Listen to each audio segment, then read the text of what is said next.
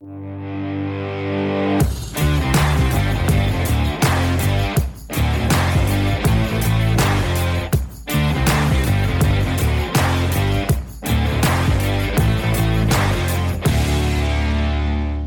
ליאור, מה נשמע? בסדר, אלכס, מה קורה? בסדר, בסדר, למרות הסופה המטורפת שמתחוללת בחוץ. הרבה רוח. הרבה רוח, הרבה רוח. הצלחתי להגיע אליך הביתה? שמע, אני כבר איזה שבוע וחצי, שבועיים בקושי יוצא מהחדר כושר, מההליכון. וואלה. אה, אז מזל, אתה יודע, אנחנו מדברים על זה פה הרבה, מזל, אה, מזל שיש את זה. בעבר, אגב, תמיד הייתי יוצא החוצה, אבל הפעם איכשהו ויתרתי לעצמי. לא, אני, אתה יודע, אני טוען ש... אם המטרה היא להתאמן לאיזו תחרות בתנאים קשים, אז uh, אחלה להתאמן בתנאים קשים. אבל אם המטרה היא לעשות אימון שהוא איכותי, פיזיולוגית, אז הרבה פעמים עדיף לא להתעקש, לא ללכת להילחם ברוח ובגשם. עוד פעם, אני לא נגד, אתה יודע, אני ממש לא מוותר לעצמי אם יש תנאים קשים באימון או משהו כזה, בטח לא אם זה תוך כדי, ואני לא מפחד משום דבר, לא מבוץ, לא מגשם, לא מחום. אבל אני עוד פעם אומר, לפעמים זה קצת התעקשות, ולפעמים זה קצת ללכת עם הראש בקיר, או אתה יודע, קצת בקטע שאתה אומר לעצמך, יאללה, בוא, אני יכול להתמודד עם זה, אני קשוח מספיק, אני ארוץ עכשיו ב-80 קמ"ש רוחות, אני לא אוותר לעצמי, מה, אני, אתה יודע, מה, אני נמושה, אני צריך להיכנס, אה, לרוץ על מסילה, או לעשות אימון trainer.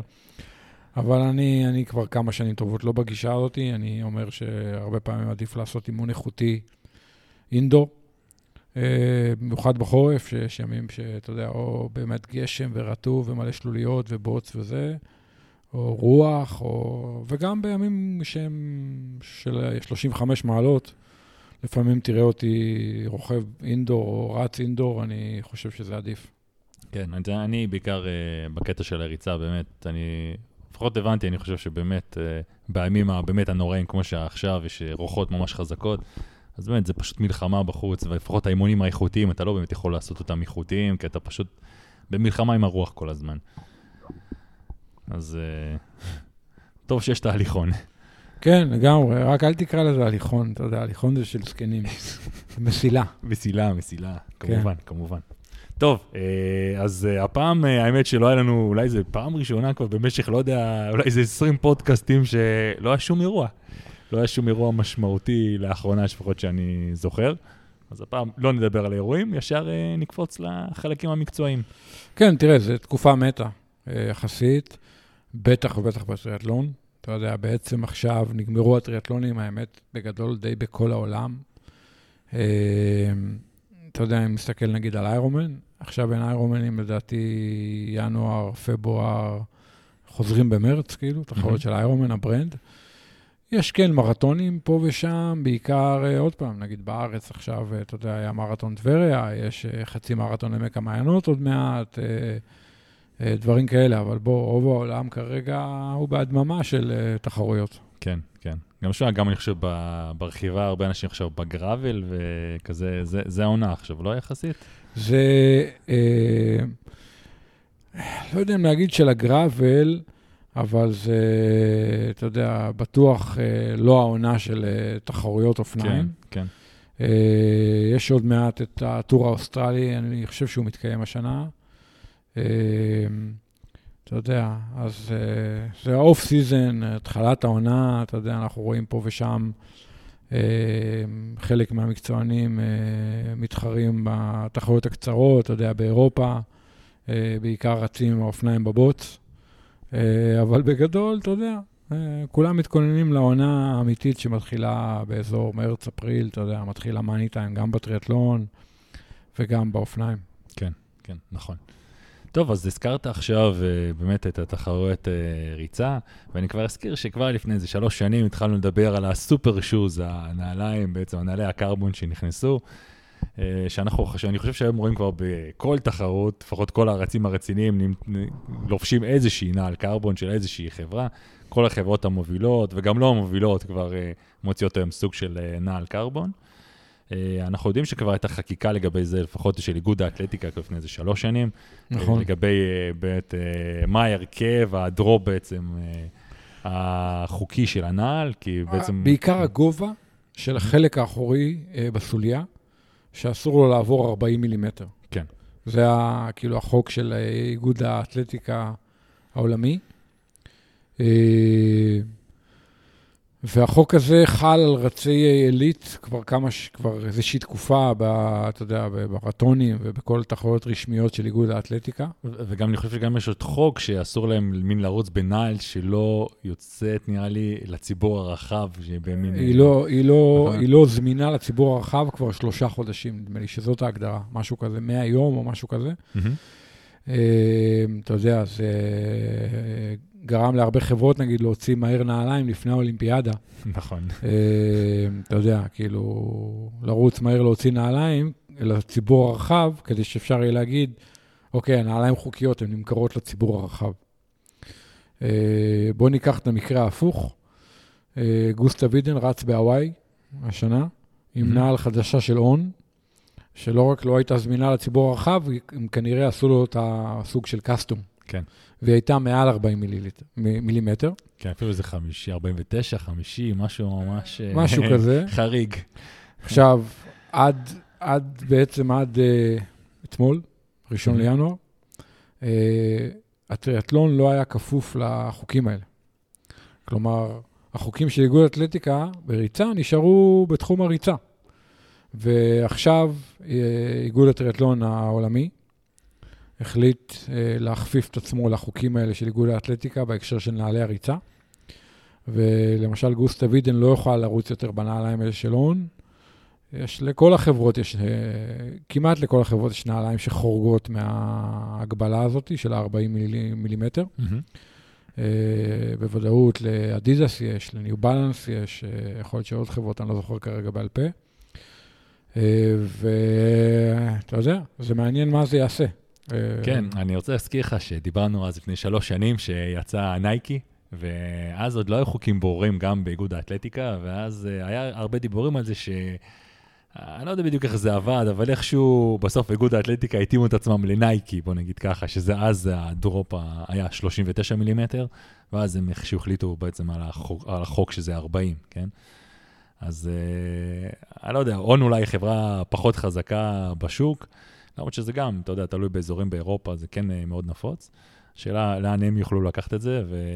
אבל כרגע באמת אה, הכל אה, נשמע, בוא נראה לאן זה הולך. אני לא ברור, מצד אחד אתה יכול להגיד שעכשיו הם יכולים, אה, מה, הם אה, פשוט יגנזו את כל הליינים האלה? לא, יש- אנשים ירוצו בהם באימונים, וגם, תקשיב, אי אפשר לאכוף את החוקים האלה לאייג' גרופרים. זה, זה יהיה כמעט בלתי אפשרי. מה יתחילו למדוד לאנשים את הנעליים? אתה אומר? או לבדוק עם איזה נעליים בן אדם שמע, רץ? אבל רגע, באופני כביש הם סורקים לך את האופניים, יש לך מנוע, לא? אה, אז, כן, הם עושים את זה רנדומלית בחלק מהתחרויות, וגם, אתה יודע, נגיד בחליפות שחייה, אתה יודע שחליפת שחייה שאתה משתמש בוואטסוט, כאילו אסור שזה יהיה יותר מנדמה לי חמישה נכון, מילימטר, נכון. העובי של החליפה. אז אתה יודע, מה, ראית פעם מישהו מודד את העובי של החליפה? לא, לא, לא. מישהו מדד לך פעם את העובי של החליפה? לא, אבל uh, נעליים, אני חושב שזה משהו יותר מובהק, משהו שאתה יודע, כל החליפות שחורות גם, אתה אתה יכול להגיד uh, שקשה, קשה להבדיל. אבל uh, בנעליים, במיוחד שזה נעל קצת שונה, אז זה משהו שאני חושב שכן uh, כן אפשר לשים אליו לב, ובמיוחד, אני מניח, כמו שאמרת, אייג' גרופרים, uh, שאולי לא גם ממוקמים במקומות הגבוהים, אז uh, פחות גם לאנשים יהיה אכפת. Uh, נכון.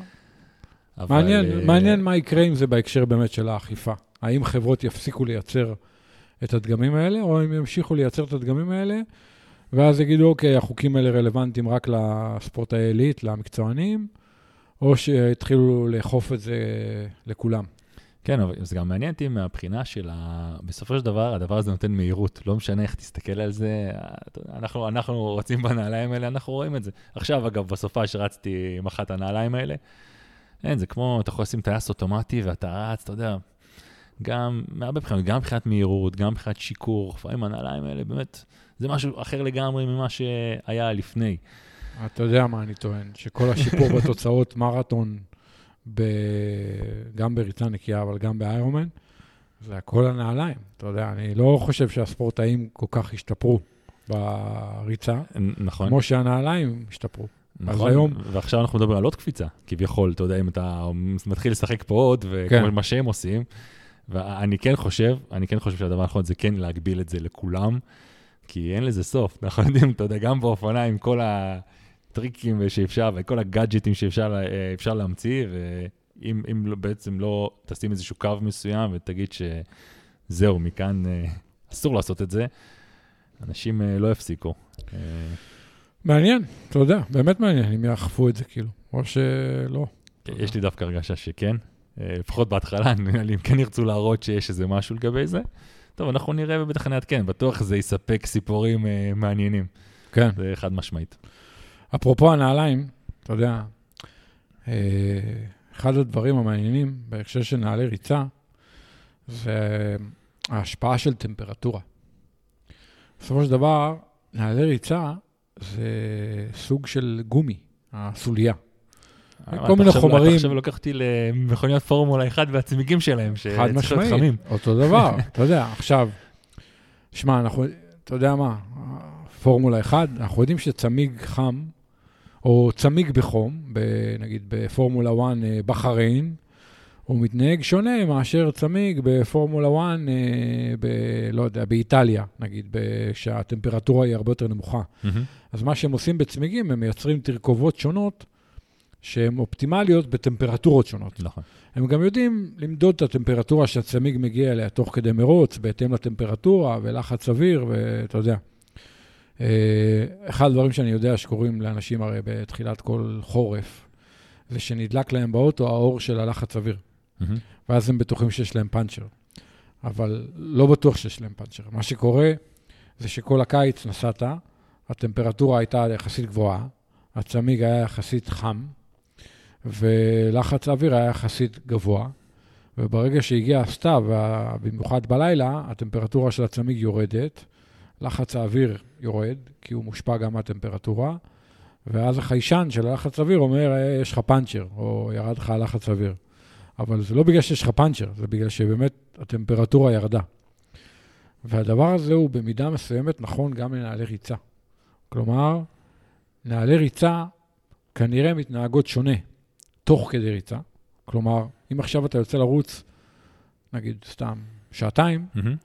יש מצב שזה לא רק שהגוף שלך מתחמם אחרי חצי שעה, שגם הנעל מתחממת אחרי חצי שעה, והגומי, אחרי שהוא כבר עבד, זה- הוא מתנהג קצת שונה, כנראה לטובה, עד גבול מסוים. יכול להיות שאם אתה ממשיך לרוץ עוד כמה שעות, הוא מתחיל להתעייף, תוך כדי ריצה. אתה יודע, הרבה אבל- מאוד... אבל אה, שמע, אתה צריך- אה, אתה צריך לייצר חתיכת מהירות בשביל אה, דבר כזה, לא? ו- לא, אני מדבר על, יודע. לא על מהירות, אני מדבר על אימפקט.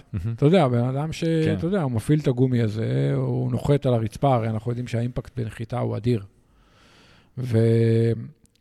ואחת השאלות זה האם נעלי הריצה מתנהגות שונה.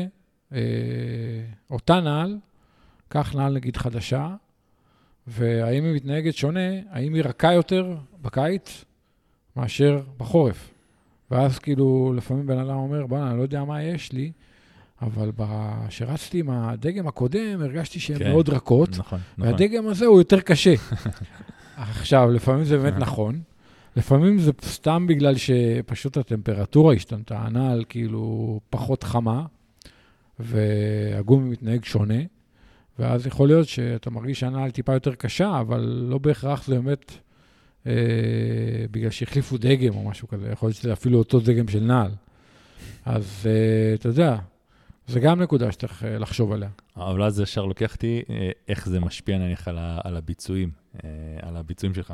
וסתם, אני כן יכול לחשוב על דרך למדוד דבר כזה, שזה נניח, אה, יש לנו את הפודים האלה כמו ה Stryd, שאתה רץ עם הוואטים, כן. אז באמת כביכול אם אתה שם משהו כזה על נעל, ואז אתה, אתה פשוט מודד את הוואטים שלך בכל נקודה, נניח אם אתה רץ במאמץ יציב, אז זה גם משהו שאולי כן אפשר להפיק מזה, למרות ש...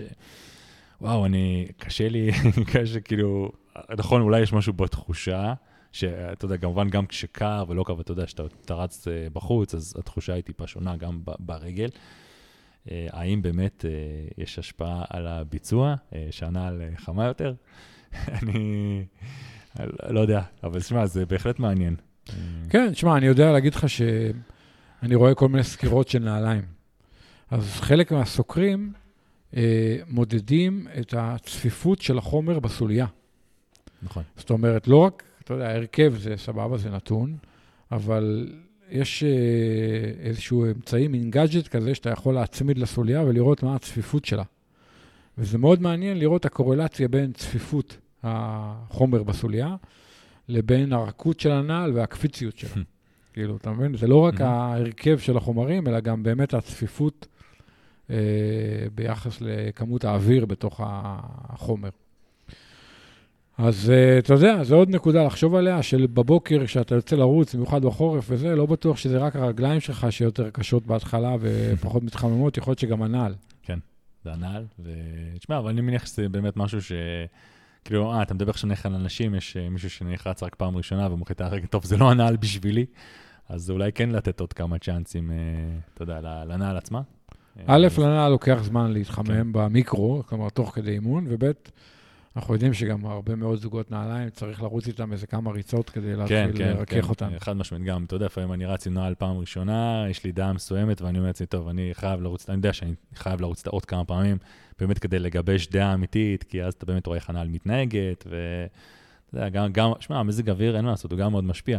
גם, בסופו של דבר, גם בראש, אם אתה רץ עכשיו במזג אוויר חם, ואתה יודע, אתה נניח רץ מאוד לאט, כי מאוד חם, ואז פתאום נהיה יותר קריר, אתה רץ יותר מהר, זה גם פתאום, אתה תרוץ יותר מהר, אתה תגיד, אה, וואו, איזה נעל אה, מדהימה. נכון, אז... זה כמו שאני תמיד אומר, כשאני בכושר שחייה טוב, החליפה מעולה, וכשאני בכושר שחייה גרוע, החליפה גרועה. אבל אז אתה אומר, רגע, לא יודע, זה הדגם של החליפה השתנה, או זה, או שזה הכושר שלי ירד, אתה מבין מה אני מתכוון? כאילו... בדיוק. זה, זה נכון לגבי כל דבר, אתה יודע. בכלל, אנחנו נהיים הרבה יותר רגישים לציוד כשאנחנו בכושר פחות טוב. נכון. או נכון. משהו כזה, וכשאנחנו בכושר טוב, אתה יודע, תן לי נעלי המגפר, אם אני לא פצוע, לא כואב לי כלום, ואני בכושר טוב, וואלה, אני ארוץ סבבה. בדיוק. טוב, אז כמו שאמרת, אנחנו עכשיו בחורף, אנחנו נמצאים הרבה מאוד על ה trainer. אז בואו קצת נדבר על איך אנחנו לפחות עושים אה, טרק. אתה יודע, אנחנו אולי באמת במשך השנים, במשך הפודקאסטים, דיברנו כן הרבה על אימוני trainer. בואו קצת נדבר על התקופה, איך אתה עושה את זה עכשיו, בהווה. מה, כן. איך אתה עושה את זה? אימוני indoor, קודם כל, לא רק trainer, כי זה גם מסילה באמת. נכון, אימוני indoor. כן, תראה, קודם כל, אני מקצועית, חסיד גדול מאוד של אימוני אינדור. זאת אומרת, אם עכשיו אתה שואל אותי נטו מקצועי יבש, אני אומר לך, שאני מאוד בעד אימוני אינדור, גם באופניים וגם בריצה. אה, בואו נדבר רגע על ריצה, כי זה נושא יותר פשוט ויותר קל, אז get it out of the way, מה שנקרא. היתרון במסילה זה שא', יותר קל לעשות אימונים קלים, כי אתה יכול פשוט לשים על מהירות מאוד נמוכה, ואז אין יותר את הפיתוי הזה של אה, רצתי מהר מדי, לא שמתי לב, או פגשתי חבר, או אתה מבין מה אתה רוצה... אני רוצה עכשיו לעלות לרוץ עשרה קילומטר, נגיד קל, באזון אחד, אני עולה על המסילה, שם אותה לנגיד עשרה קמ"ש, ואומר, זהו, עכשיו אני שעה... חכה, חכה, חכה רגע, אתה, אתה גם תמיד שם שיפוע, אני יודע. אני שם 1 אחוז שיפוע. עדיין היום אתה שם שיפוע? כן, תמיד 1 אחוז שיפוע, כדי לדמות ריצה בחוץ, כן. אני גם עושה אימוני עליות, אבל תכף נדבר על זה. אז אני אומר, לריצה קלה בטוח. לריצות, אינטרוולים, זה גם מאוד נוח, כי אתה יכול להיות מאוד, מאוד מדויק יחסית, כאילו, מבחינת העבודה והתאוששות והכול. זה מאוד נוח כשחם מאוד, או כשקר מאוד, ואתה רוצה עדיין לעשות את האימון בלי יותר מדי שמזג אוויר ישפיע עליך, דיברנו על זה, רוח, גשם וכדומה. אני חושב שיש לזה שיכוך קצת יותר טוב, אז זה קצת פחות אימפקט, אתה יודע, קצת, אתה יכול לרוץ כאילו יותר קילומטרים אם אתה רץ על מסילה, ולכן הרבה מקצוענים נגיד בטריאטלון וזה, אתה רואה שהמון מקצוענים רצים גם על המסילה, או mm-hmm. לא מעט על המסילה. אה, ולכן אני, נגיד בריצה, חושב שמסילה זה אחלה דבר, אחלה אמצעי. יש לזה חיסרון אחד, שזה משעמם, לצורך העניין, mm-hmm. אבל אתה יודע, זה פתיר דרך כל מיני, או Zwift, אתה יודע, יש Zwift לריצה. ריצה, נכון. או, אתה יודע, פודקאסטים, טלוויזיה, whatever, אתה יודע, אני שם פשוט, אה, אני בדרך כלל רואה טלוויזיה על המסילה. Mm-hmm. אה, ולכן אני, אתה יודע, חושב שלרוץ על מסילה זה אחלה דבר. אה, לא רק כשאין ברירה, אלא גם כשיש ברירה, במיוחד מי שרץ כמה פעמים בשבוע. אה, אבל מסילה זה פשוט. הנושא היותר, או אתה יודע מה, אני אגיד כל משהו על, אמרתי אימוני עליות, אז אני אגיד מילה על זה. אחד היתרונות במסילה, שאתה יכול לעשות אחלה אימוני עליות. שמע, אני חייב להגיד לך שבחיים לא עשיתי אימון עליות על המסילה. אה, אני עושה הרבה. למרות שאני גר במקום שאין בעיה לעשות אימוני כן, עליות גם בחוץ. תצא מהבית, אתה באימון עליות. אבל קח בן אדם שגר בגוש דן, במרכז נגיד, והוא רוצה לעשות אימוני עליות, שמע, מסילה זה אחלה אמצעי, אתה יכול לעלות לכמה אחוזי שיפוע שאתה רוצה, תשים, לא יודע, 8 אחוז שיפוע, תעשה סט עכשיו של, אה, לא יודע, 3-4 דקות בעלייה, אחרי זה תעשה, לא יודע, 2 דקות במישור, קל וזה, תעשה כמה סטים כאלה, זה אימון מעולה. אתה פשוט ישר נותן לי איזה פלשבק לבדיקות הארגומטריה, אתה כן. נותנים לך שם שיפוע של 20 אחוז, אז. כן, אבל זה אחלה אימון, גם, גם אתה מאמן, אתה יכול לאמן ככה את הלב ריאה, וגם אתה יכול לאמן מאוד טוב את הרגליים. כן. ואנחנו יודעים שאימוני עליות הם בעצם באמת גם מחזקים מאוד את הרגליים והכל, וגם מבחינת פציעות, אנחנו יודעים שהרבה פעמים זה עדיף. כאילו, מבחינת אשר אה, לרוץ מהר במישור, כי אתה מייצר המון סטרס מה, מהמהירות. במיוחד שהביומכניקה, מה שאני קורא במרכאות, מתחילה להתפרק. מהמם. אתה יודע, אני יודע להגיד לך באיזה קצב, בגדול הביומכניקה שלי מתחילה להתפרק. עד אותו קצב אני הולך ונהיה יעיל בריצה, אהה. מאותו קצב אני מתחיל וואלה. להתפרק. כאילו, הביומכניקה נהיית גרועה, אתה מבין? כן? יש איזה סוויט ספוט כזה, ובעליות, אתה יודע, אתה במילא לא רץ מהר, כאילו, אבל אתה יכול לעשות אימונים מאוד קשים. ואם אחרי זה תלך למרוץ, בלי שעשית אף אינטרוול במישור, אחרי, אבל עשית אינטרוולים בעליות, מהמם. אתה תרוץ מעולה. כן, כן. אה, אז אני כן עושה אימונים כאלה, אני פשוט משחק עם האחוזים של השיפוע, למשל, סתם תיקח. כמה, כמה שיפועות? תן לי דוגמה. למשל, עכשיו תעשה, נגיד אני עושה חימום על המסילה, מהמם.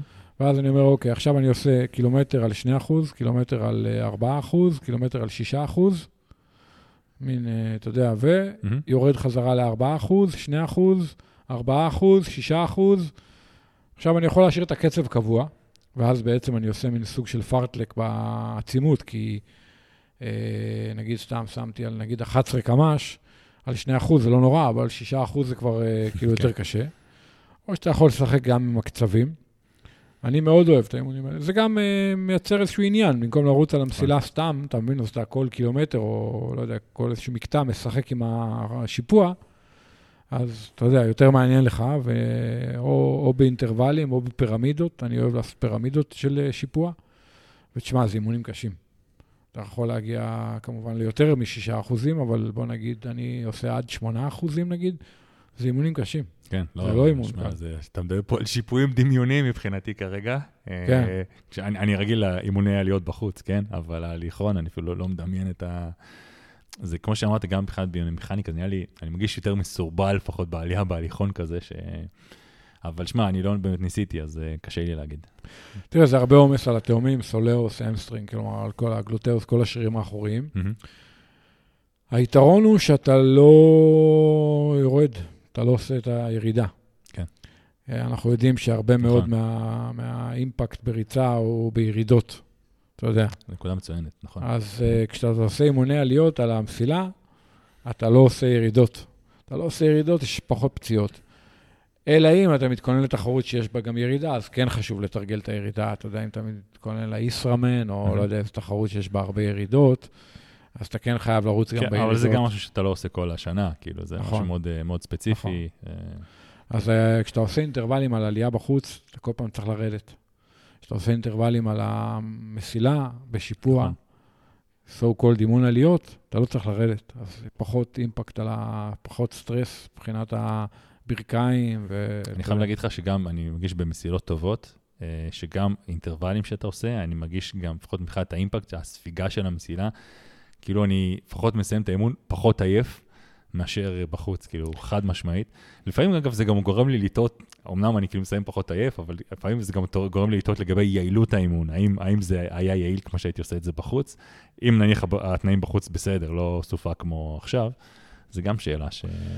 שמע, זו שאלה טובה, עוד פעם, אני לא נגד אימוני אינטרוולים בחוץ כמובן, ועליות והכול, אבל תראה, מה שצריך לקחת בחשבון, שמסילות לא תמיד מדויקות בקצבים. זה בטוח. אני רק רוצה להגיד לך, עשינו על זה מחקר, וככל שאתה רץ יותר מהר למסילה, אתה הולך, לכיוון ה-14, 15, 16 קמ"ש ו- ולמעלה, ככל שזה יותר מהיר, זה פחות מדויק. היא מאבדת אה, דיוק. כן. דווקא בקצבים היותר נמוכים, היא הרבה הרבה יותר מדויקת. אז אתה יודע, תלך. לחדר כושר שיש נגיד אה, שורה של מסילות, שים נגיד סתם עשרה קמ"ש על כל המסילות, ותעבור ממסילה, תפעיל כן. את כולם ותעבור ותרוץ על כל אחת שלוש דקות.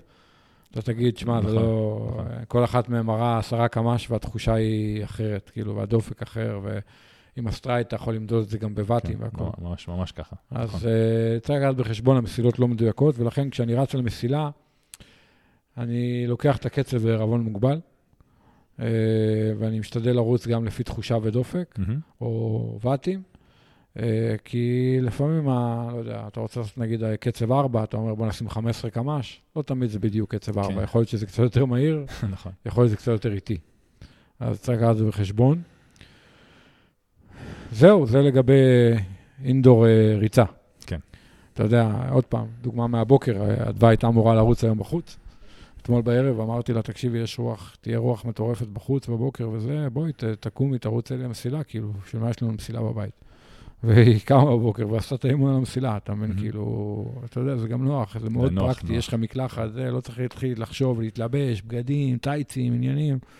שמה טלוויזיה, שמה בקבוק מים, רצה, עשתה את האימון והתקדמה. מבחינת הנוחות אין פה בכלל שאלה. וגם לאימונים משולבים, אתה יודע, כן. כשאתה עושה trainer זה, תן לי. תשאיר לי את זה, אחר כך אני אספר. סבבה. נעבור ל trainer? כן. טוב, trainer זה המומחיות שלך. תתחיל אתה.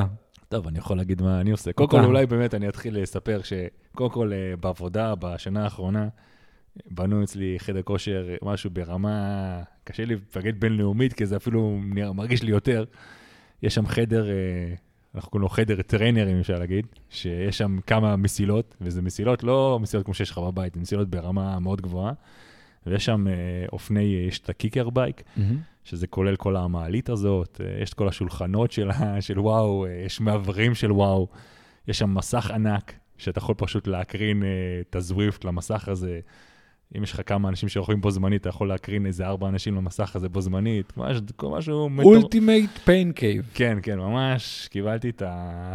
בנו, בנו חדר מיוחד בשבילי, אני צוחק על זה תמיד, אבל... אה, אז מהבחינה הזאת, אתה יודע, זה בעבודה, אז דווקא בזמן האחרון אני באמת, זה מביא אותי הרבה יותר להתאמן אה, בעבודה, כי זה פשוט נוח. אה, יש, כמו שאמרת, יש, יש את האופניים, אז אתה יודע, אני פשוט עולה על האופניים, מקרין. אני, אה, הרבה פעמים, אגב, אה, בבית אני רוכב אה, בזוויפט, אבל אני לא באמת מסתכל לרוב על הזוויפט, אני רוכב אה, רוב הזמן בארג מוד. אז uh, האימון כאילו כתוב מראש, אני יודע, אני פשוט, אתה יודע, צריך להחזיק את הוואטים, אז לרוב אני בבית לפחות רואה נטפליקס, או אני רואה איזה משהו בטלוויזיה, שומע פודקאסט. שם, בגלל שיש את המסך הזה, אז גם הרבה פעמים אני כן מקרין את הזוויפט הזה, כי זה גם נראה הרבה יותר מרשים, זה כן מעביר לך יותר uh, את החוויה. Uh, אבל, ובסוף, ה... אני סתם סיימתי לרכב, אני היום עשיתי אימון משולב, סיימתי, סיימתי את הרכיבה הזאת, אני עושה שתי צעדים, יש לי תהליכון. אה, עושה אימון אינטרוולים על ההליכון, ושמע, בקטע הזה אצלי כרגע זה כאילו אופטימלי, אפשר להגיד. אה, אבל אה, בבית אין לי הליכון כמו אצלך, בגלל זה אני גם, האמת, גם סיפרתי פה שאני יותר אוהב לרוץ בחוץ, ו... אבל כן יש נקודה מעניינת שאני כן אספר, שבזמן האחרון גם היה לנו הרבה שיחות לרכב בארג מוד, לא בארג מוד. גם אז עם אה, פורדינו שאלנו אותו גם אה, איך הוא, איך הוא רוכב, הוא בכלל מה שהוא לא מכיר את הארג מוד הזה, הוא רק אה, רוכב רגיל, כי זה פשוט ככה, אתה בסופו של דבר רוכב בחוץ. ואני חייב גם להגיד שאני החלטתי בזמן האחרון לפחות, כל האמ... אני בערך רוכב היום אה, שלוש-ארבע פעמים בשבוע, את האימונים של האמצע שבוע אני עושה על הטרנר. אה, ב erg mode, ובסוף שבוע אני עושה בעצם ב free ride, קוראים לזה, כאילו ממש כמו, בלי erg. כמו שאני מתאמן. בדיוק, אבל אה, החלטתי בעצה של חבר שלנו מארצות הברית, אה, רכשתי עוד, אה, אפשר להגיד, אה, קוראים לזה, עוד, זה לא בדיוק trainer, זה מין roller, roller trainer כזה, קוראים לזה Omnium, אה, לא זוכר בדיוק את השם המלא. העניין הוא שם שאתה פשוט אה, אה, שם מין את, את, את המזלג הקדמי שלך על איזה מתקן מסוים שמחזיק לך אותו, והגלגל האחורי נותן לך התנ, התנגדות במין גלגלת. אה, ואתה בעצם רוכב, זה, כאילו, זה כמו טרנר, אפשר להגיד- כמו קצת טרנר של פעם, שאתה רוכב וזה יש לך התנגדות, לג, התנגדות לגלגל, וככל שאתה רוכב כאילו יותר חזק, יותר מהר, יש לך יותר התנגדות. כן. אתה בעצם צריך אה, בסופו של דבר להביא את עצמך לבד לוואטים האלה, בלי, בלי ארג. אה, אז אני דווקא רוכב הרבה מאוד על המכשיר הזה בסוף שבוע, אה, ואני כן, שמע, אני מרגיש את ההבדל, אני, אני יודע איך, איך אני מרגיש אחרי האימונים האלה עם ה erg, שאני רוכב נניח, בבית שלי Tacx Neo או כל מיני trainer אחר, שאני בדרך כלל איתם על erg, אותו אימון, בלי erg, שאני עושה, אה, אתה יודע, לבד, כאילו גם, אתה יודע, אתה גם צריך להיות הרבה יותר ממוקד. אני יכול להגיד שאני באיזה, דיברנו על זה קודם, אני איזה 20 אחוז אה, יותר עייף. שמע, אני יורד מהאימון הזה, אני גמור. יש אימונים שאני זוכר שהיה לטריינר עם הארג, הייתי עושה יחסית בקלות, ופה אני באמצע, לפעמים שואל את עצמי, אני אומר, וואו, מה, זה, זה נורא, אני רוצה, יש מצב להפסיק מרוב שזה כבר, אתה יודע, ואני על אותם ואטים, אה, וזה פשוט הרבה הרבה יותר קשה, ובסופו של דבר, שמע, אין מה לעשות, זה, זה מרגיש לי שזה יותר מדמה גם את המציאות. אה, אז כמה שפעם אה, חלקתי עליך בקשר אתה יודע, שהערג הזה הוא לא באמת מדמה את המציאות, אז, אז, אז כן, אני, אני מסכים. אני גם כן חושב שמבחינה מקצוע, אימונית, אנחנו, זה כן, הוא כן טוב לנו, כי לפחות, אתה יודע, גם מבחינת התאוששות אולי, אז כן נכון שנתאמן ככה, אבל אני כן גם חושב שחשוב מאוד להתאמן גם בלי הרג, במיוחד מי שמתאמן לתחרויות ארוכות, ובסופו של דבר אתה צריך לקרב את השעות האלה לבד בחוץ. אז uh, כן סופר uh, חשוב גם להכיר את התחושה, איך אתה מתמודד עם זה לבד, uh, כמה שעות ולא חצי שעה, שעה. uh... כן. שמע, אני, עוד פעם, אני, אני מאוד uh, מאמין באימוני trainer. דיברנו על זה כבר הרבה פעמים, אתה יודע, גם מבחינת הבטיחות וכל ה... uh, חם בקיץ, קר בחורף, גשם וזה, אבל גם, בוא נדבר גם מקצועית, נטו, נטו, נטו. אני חושב ש trainer הוא כלי מאוד יעיל לשיפור היכולת רכיבה פיזיולוגית. Uh, בוא נדבר רגע על החיסרון, כדי, עוד פעם, שלא נשכח את זה. חיסרון של trainer זה שאתה פשוט לא לומד לרכוב על אופניים, אתה יודע. כאילו, נכון. מבחינת הטכניקה, מיומנות, שליטה, העברת הילוכים. Uh, אתה יודע, אני תמיד אומר, אנשים שרוכבים הרבה על trainer, או רוכבים כמעט רק ורק, אך ורק על trainer, אז אתה רואה שהם פחות יודעים uh, לפנות, לעשות פרסה, uh, להעביר הילוכים בצורה טובה, פלטה. כאילו, אתה רואה שהם ה bike handling, ואתה יודע, ה bike skills שלהם משמעותית פחות טובים. זה החיסרון של ה trainer. חוץ מזה, פיזיולוגית נטו, בעיניי יש לזה רק יתרונות. אה, ואני חושב שהרבה מהשיפור שקרה בשנים האחרונות באופניים, אצל המקצוענים, אבל גם אצל הספורטאי קבוצות גיל, זה בזכות זה שאנשים התחילו להתאמן הרבה יותר indoor. פעם אינדור זה היה חריג. היום זה המיינסטרים. אנשים מתאמנים אינדור, בטח ובטח בחורף, אבל מתאמנים אינדור לדעתי כל השנה. ועדיין אני חייב להגיד לך שיש כאלה שלא משנה מה, אתה לא מצליח לשכנע אותם. אני מכיר המון אנשים אתה יודע מה, אני יכול לסור לפחות עשרה אנשים שאני מכיר, שקנו את הטריינר הכי, הכי, הכי, יש להם אותו בבית, והם לא עלו עליו אפילו, אולי פעם אחת הם עלו עליו, אתה יודע. כן. אה... לא, אני מכיר גם אנשים כאלה, אבל חלקם, אתה יודע, גם אנשים שהיו כאלה, ומתישהו נתפסו לזה.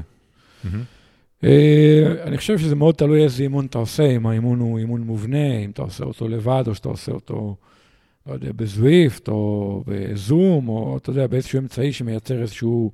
תחושה של ביחד. Mm-hmm. אתה יודע, זה יותר קל, אנחנו עושים אימונים בזום.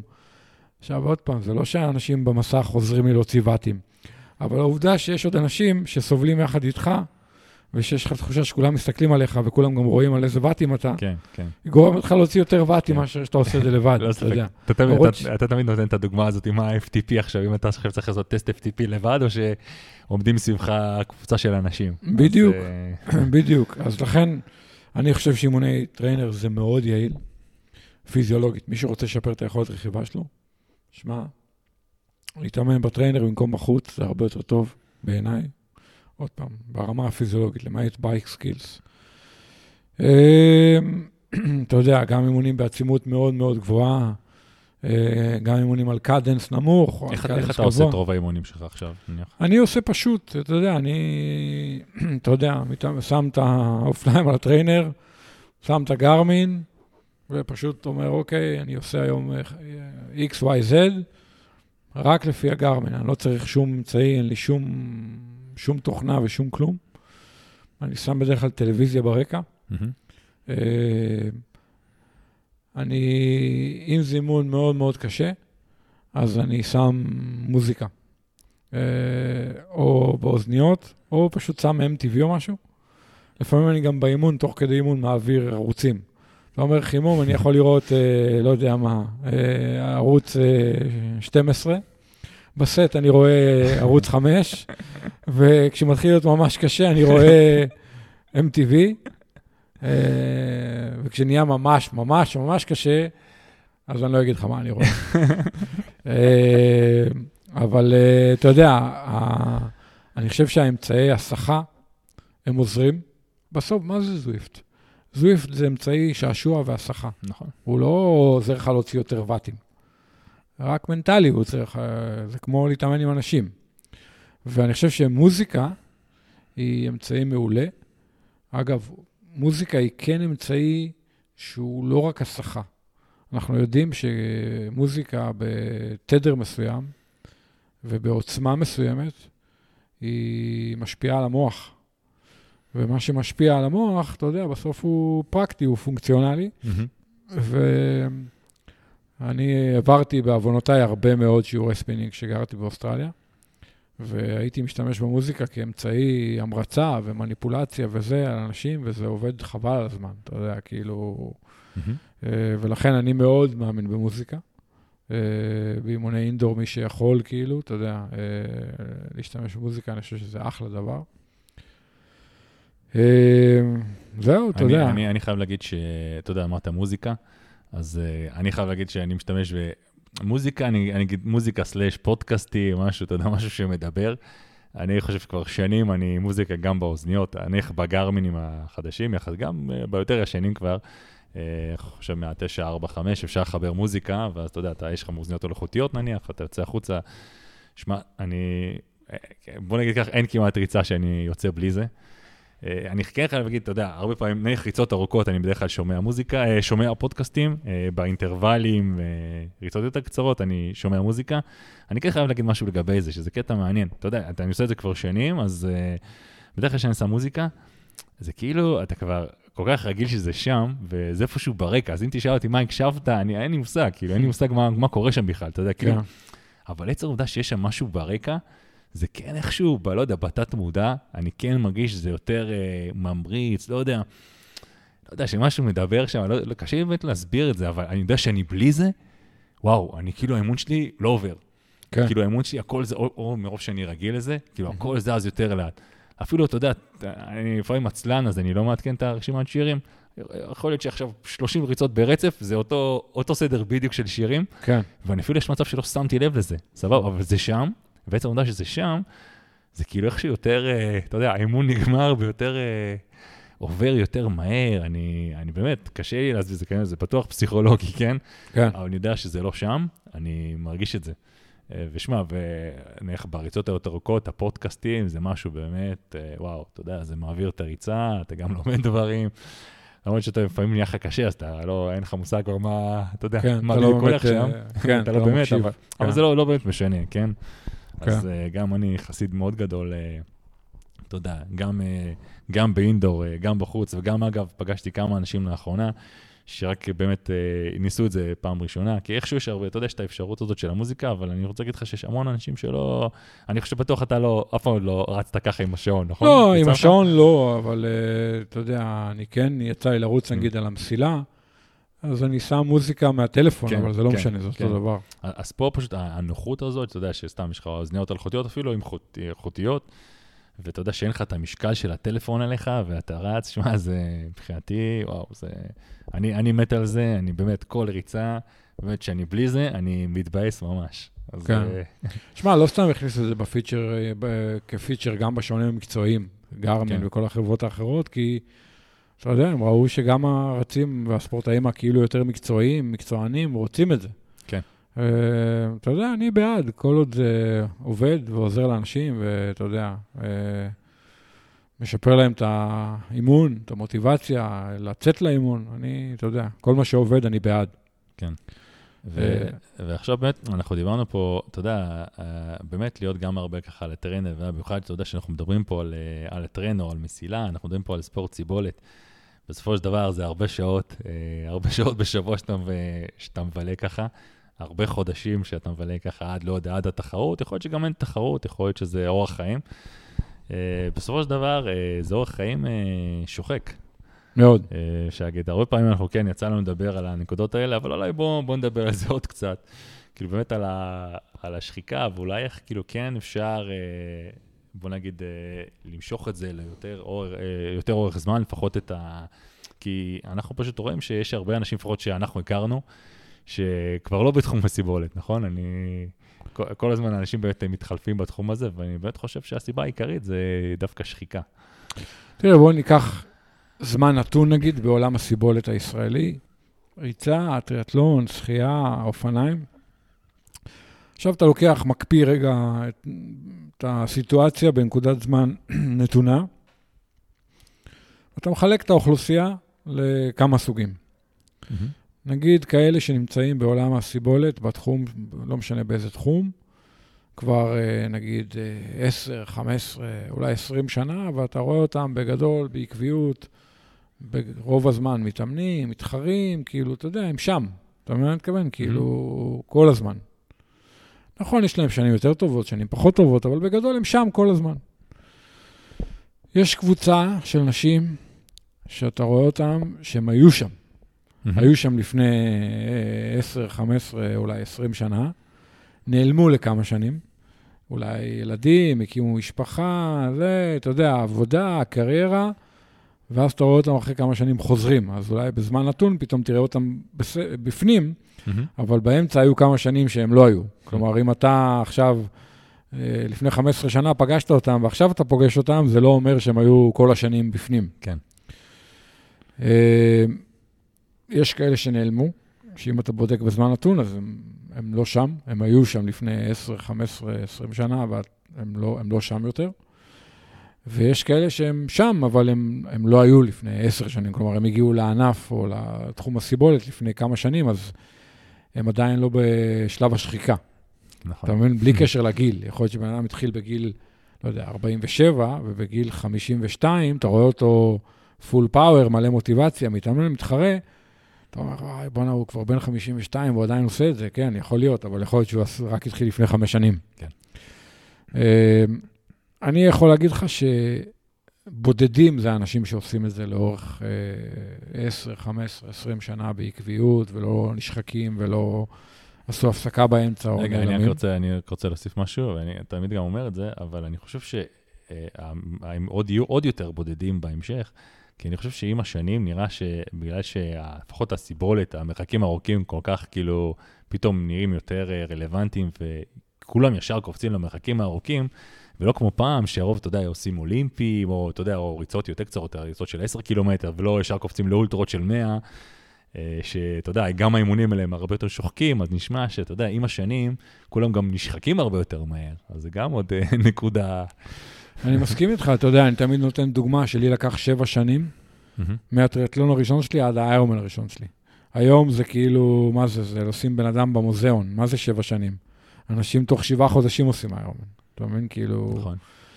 אז אני אומר, אתה יודע, לא תראה הרבה אנשים שהם שם הרבה זמן. אתה יודע, נגיד מהדור שלי, אני התחלתי בסוף שנות ה-90. Mm-hmm.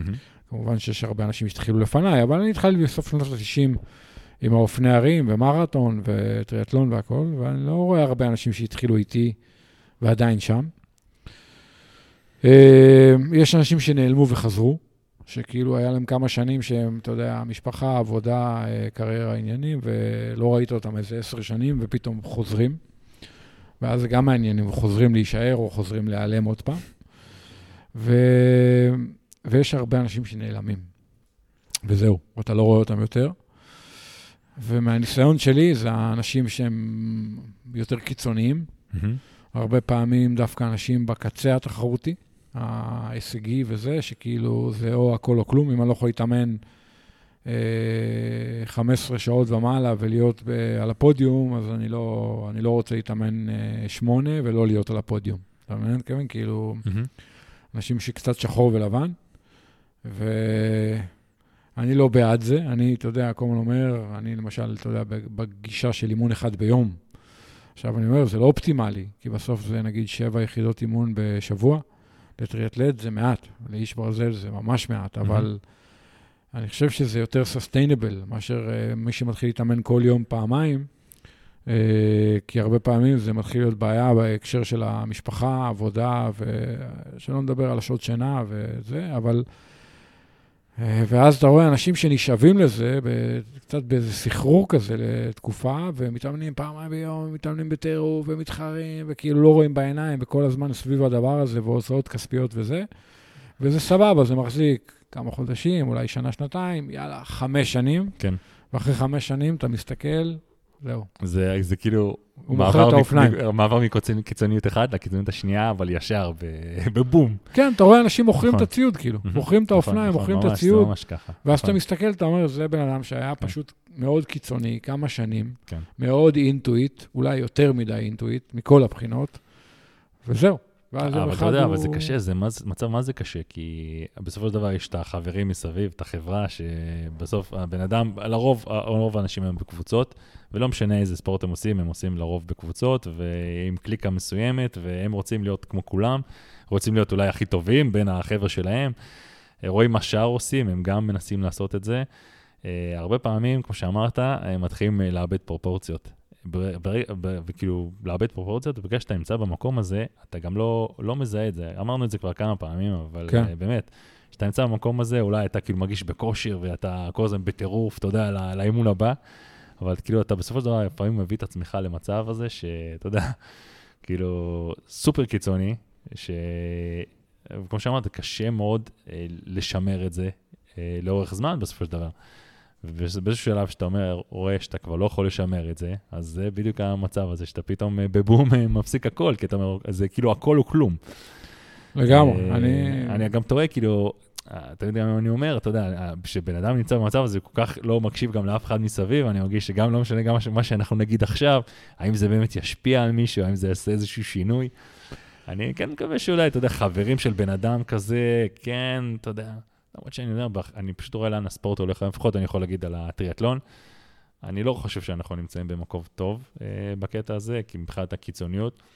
אז רציתי להגיד, אולי החברים שלו יאזנו אותו, אבל גם החברים שלו ככה, אז אה, אתה יודע, קשה לי, באמת קשה לי להגיד מה, מה, מה הפתרון למצב שכזה, אתה יודע. אה, שמע, אני מרגיש שכמאמן יש לי איזו אחריות ומחויבות קצת אה, להנחיל איזושהי דרך, כאילו. עוד פעם, אני לא יכול לכפות, ובסוף אני לא המורה של אף אחד, ובטח לא האבא של אף אחד. אבל אתה יודע, בעולם הקטן שלי אני מנחיל את הדרך שאני מאמין בה, שזה כן להתאמן ברצינות וכן להיות הישגי, אבל לשמור על איזשהו איזון ואיזושהי פרופורציה מכל הבחינות, אתה יודע, גם מבחינת כמות האימונים וכמות התחרויות, וגם מבחינת, אתה יודע, לא, אתה יודע, כל מיני דברים שאנשים שמגיעים לרמאויות ושימוש בחומרים אסורים וזה, זה הכל מתוך הסחרור הזה. כן. אז uh, בעיניי הכל זה, אתה יודע, חלק מאותו דבר. Uh, ואני מנסה גם לחיות ככה בעצמי, בקטע של האיזונים והכל, וגם uh, להנחיל את זה, עוד פעם, בהצלחה כזאת או אחרת. עוד פעם, אתה יודע, הרבה פעמים אנשים אומרים לי, מה, אתה מדבר, אתה קיצוני, אתם משוגעים, אתם... אז אני אומר, וואלה, תבדוק, תראה שדווקא אם תפתח תוכנית אימונים וזה, אתה תגלה שלא, לא, אני לא קיצוני ואנחנו לא משוגעים ולא מתאמנים 7,000 פעמים בשבוע, בכלל לא. כי אני פשוט לא חושב שלאנשים מבוגרים זה גם לא הכי נכון פיזיולוגית, אבל גם לא... זה לא סוסטיינבל, זה לא... אי אפשר להחזיק ככה את האורח חיים. כן, אני, אתה יודע, אני, אני רואה את האנשים, אתה יודע, אנחנו פוגשים אנשים כל הזמן, אה, ובאמת, אני לא מכיר הרבה אנשים שבאמת לאורך זמן המשיכו לעשות את זה, אם באמת מישהו עושה את זה ברמה הישגית מאוד מאוד גבוהה. אה, אני יכול לספור אולי, אולי, אולי על יד אחת את מספר האנשים שכן המשיכו לעשות את זה. ובאמת, אני, אני חושב מה, מה, מה, מה נכון להגיד, אתה יודע, שכן כן יעזור לאנשים שכאלה, ואני אני, עדיין חושב על זה. תראה, בפועל, הסבב הכי פופולרי של תחרויות בעולם היום, נגיד בטריאטלון, זה חצי איש ברזל. נכון, נכון. ה-70.3. נכון. עכשיו, למה? כי הוא יותר סוסטיינבל, הוא לא קיצוני. מהמם. אתה מבין מה אני מתכוון? אני אומר לך, אני מגזים במה שאני אומר, אבל אני אגיד את זה בכוונה. שאם האיירומן היום היו יכולים, היו סוגרים את הסבב של האיירומן. הבנת מה אני מתכוון? כן. הם היו משאירים את הסבב של ה-70.3. עוד פעם, אני מגזים, אבל... כי הוא סבב הרבה יותר טוב. התחרויות מתמלאות בדקה. אה, בדרך כלל יותר פשוט להפיק אותן והכל, אבל זה יותר סוסטיינבל. אנשים יכולים להחזיק אורח חיים ולעשות חצאים, ועדיין להיות uh, מסופקים ולהגיד, וואלה, יש לי איזה תחושת הישג והכל. לעומת זה, אתה רואה סבב כמו האולטרמן, שהוא סופר קיצוני. בסוף אתה רואה איזה סבב של שלוש תחרויות בעולם, של 30 איש בכל תחרות, במקרה הטוב, שכבר 20 שנה לא משתנה. זה אותם אנשים. אותם, נכון, לא, אותם אנשים. אותו- אותה לרוב, כמות, אתה לרוב. מבין כאן? גם, שמע, זה- לא, בואו, תכלס, הרבה אנשים מהאנשים כן נשארים בזה, תשמע, גם צריך אנשים מאוד מיוחדים, כן? אה, לא, אבל אתה רואה, זה לא מתרומם מבחינת הכמות, נכון. כי זה נכון. לא ריאלי לרוב האנשים, כן, אתה מבין? נכון. כאילו, כמות האימונים שאתה צריך לעשות היא מעבר למה שרוב האנשים יכולים או רוצים, או אתה מבין? אז זה לא. מתרומם. ולעומת זה, החצאים, זה מאוד מאתגר, זה מאוד קשה, וזה עדיין אפשרי. טוב, אני מקווה שלפחות מי שהקשיב, תחשבו רגע בעצמכם רגע על המקום בו אתם נמצאים, ואני חושב שזה נכון ל- לכל ספורט. אה, אנחנו מדברים פה הרבה על טריאטלון, וזה גם נכון לריצה, רכיבה, אתה יודע, כל אה, שחייה, כל, אה, כל דבר אחר. אני חושב שבענפים ה... שהם ענף אחד, זה אולי אפילו עוד יותר שוחק. כי קח ריצה, שמע, לרוץ כל יום, עוד שבוע, עוד חודש, עוד שנה, זה מאוד שוחק, כנראה גם גופנית, אבל גם מנטלית, החד גוניות הזאת, וגם באופניים, אתה יודע, עוד פעם, אני ככה, אני, אני מיוחד חווה את זה ככה. אה, דווקא בטריאטלון, בהקשר הזה יש משהו קצת יותר מגוון, כאילו. וגם אתה יכול לעשות תחרויות או ריצה, תחרויות אופניים. אה, וגם תחרויות טריאטלון. כלומר, לכן אני הכי אוהב את הטריאטלון, כי זה יותר מגוון. טוב, אה, בסדר, בואו נעבור לנושא הבא, שאני חושב שכבר הזכרת את זה לפני כמה שבועות, ולא לא, לא הספקנו לדבר על זה, אבל uh, דיברת קצת על uh, פיריוד, פיריוד, פיריודיליזציה הפוכה. שמה זה פיריודיליזציה רגילה? שזה בעצם יש לנו... אה, זה מתחיל, מ, אני חושב, מהספר של ג'ו פרל, שזה אבא של הטריאטלון, נכון? אני חושב שהוא המציא את זה, הוא מה... אה, לא, הוא מה- לא הוא לא המציא את זה, אבל הוא סידר את זה, בטריאטלון זה, לפחות. נכון. זה- זה התחיל הרבה לפני. כן. שבעצם יש אה, שלושה שלבים בכל, אה, בוא נגיד, אה, בדרך לכל מטרה, נכון? יש אה, בסיס מסוים שבונים, יש אה, אחרי זה בנייה, קוראים לזה, ואחרי זה יש אה, פירודיליזציה, קוראים לזה, או נכון, השלב האחרון. אז אה, בוא, בוא תספר רגע על ה... שמע, עוד פעם, יש הרבה קונספטים שבסוף מבוססים על אותו עיקרון. מהמם. העיקרון אומר שהעונה מחולקת לכמה שלבים, אה, ועוברים משלב לשלב, והאימונים הם משקפים את התקופה שאתה נמצא בה בעונה ואת השלב שאתה נמצא בו. אוקיי? אם ניקח את ג'ו פריל, אז זה יכול להיות בייס, uh, period, אחרי זה uh, build period, ובסוף uh, competition period. מהמם. זאת אומרת, תקופת בסיס, תקופת בנייה ותקופת אה, תחרויות. כן, כן. אוקיי? קוראים לזה, נזכרתי, אמרתי כן, פירודיליזציה כאילו כן. ספציפיות. כן. אה, קונספטים אחרים, עוד פעם, גם פריאל, אבל מדברים על מיקרו-סייקל, מזו-סייקל, כאילו כל מיני, אתה יודע, דרכים להגדיר תקופות. מהמם. אם זה בשבועות, אם זה בחודשים, ואפילו ב, אם זה ספורט אולימפי, אז אפילו ברמה של שנים. כי אתה יודע, יש ארבע שנים בין משחקים אולימפיים למשחקים אולימפיים הבאים.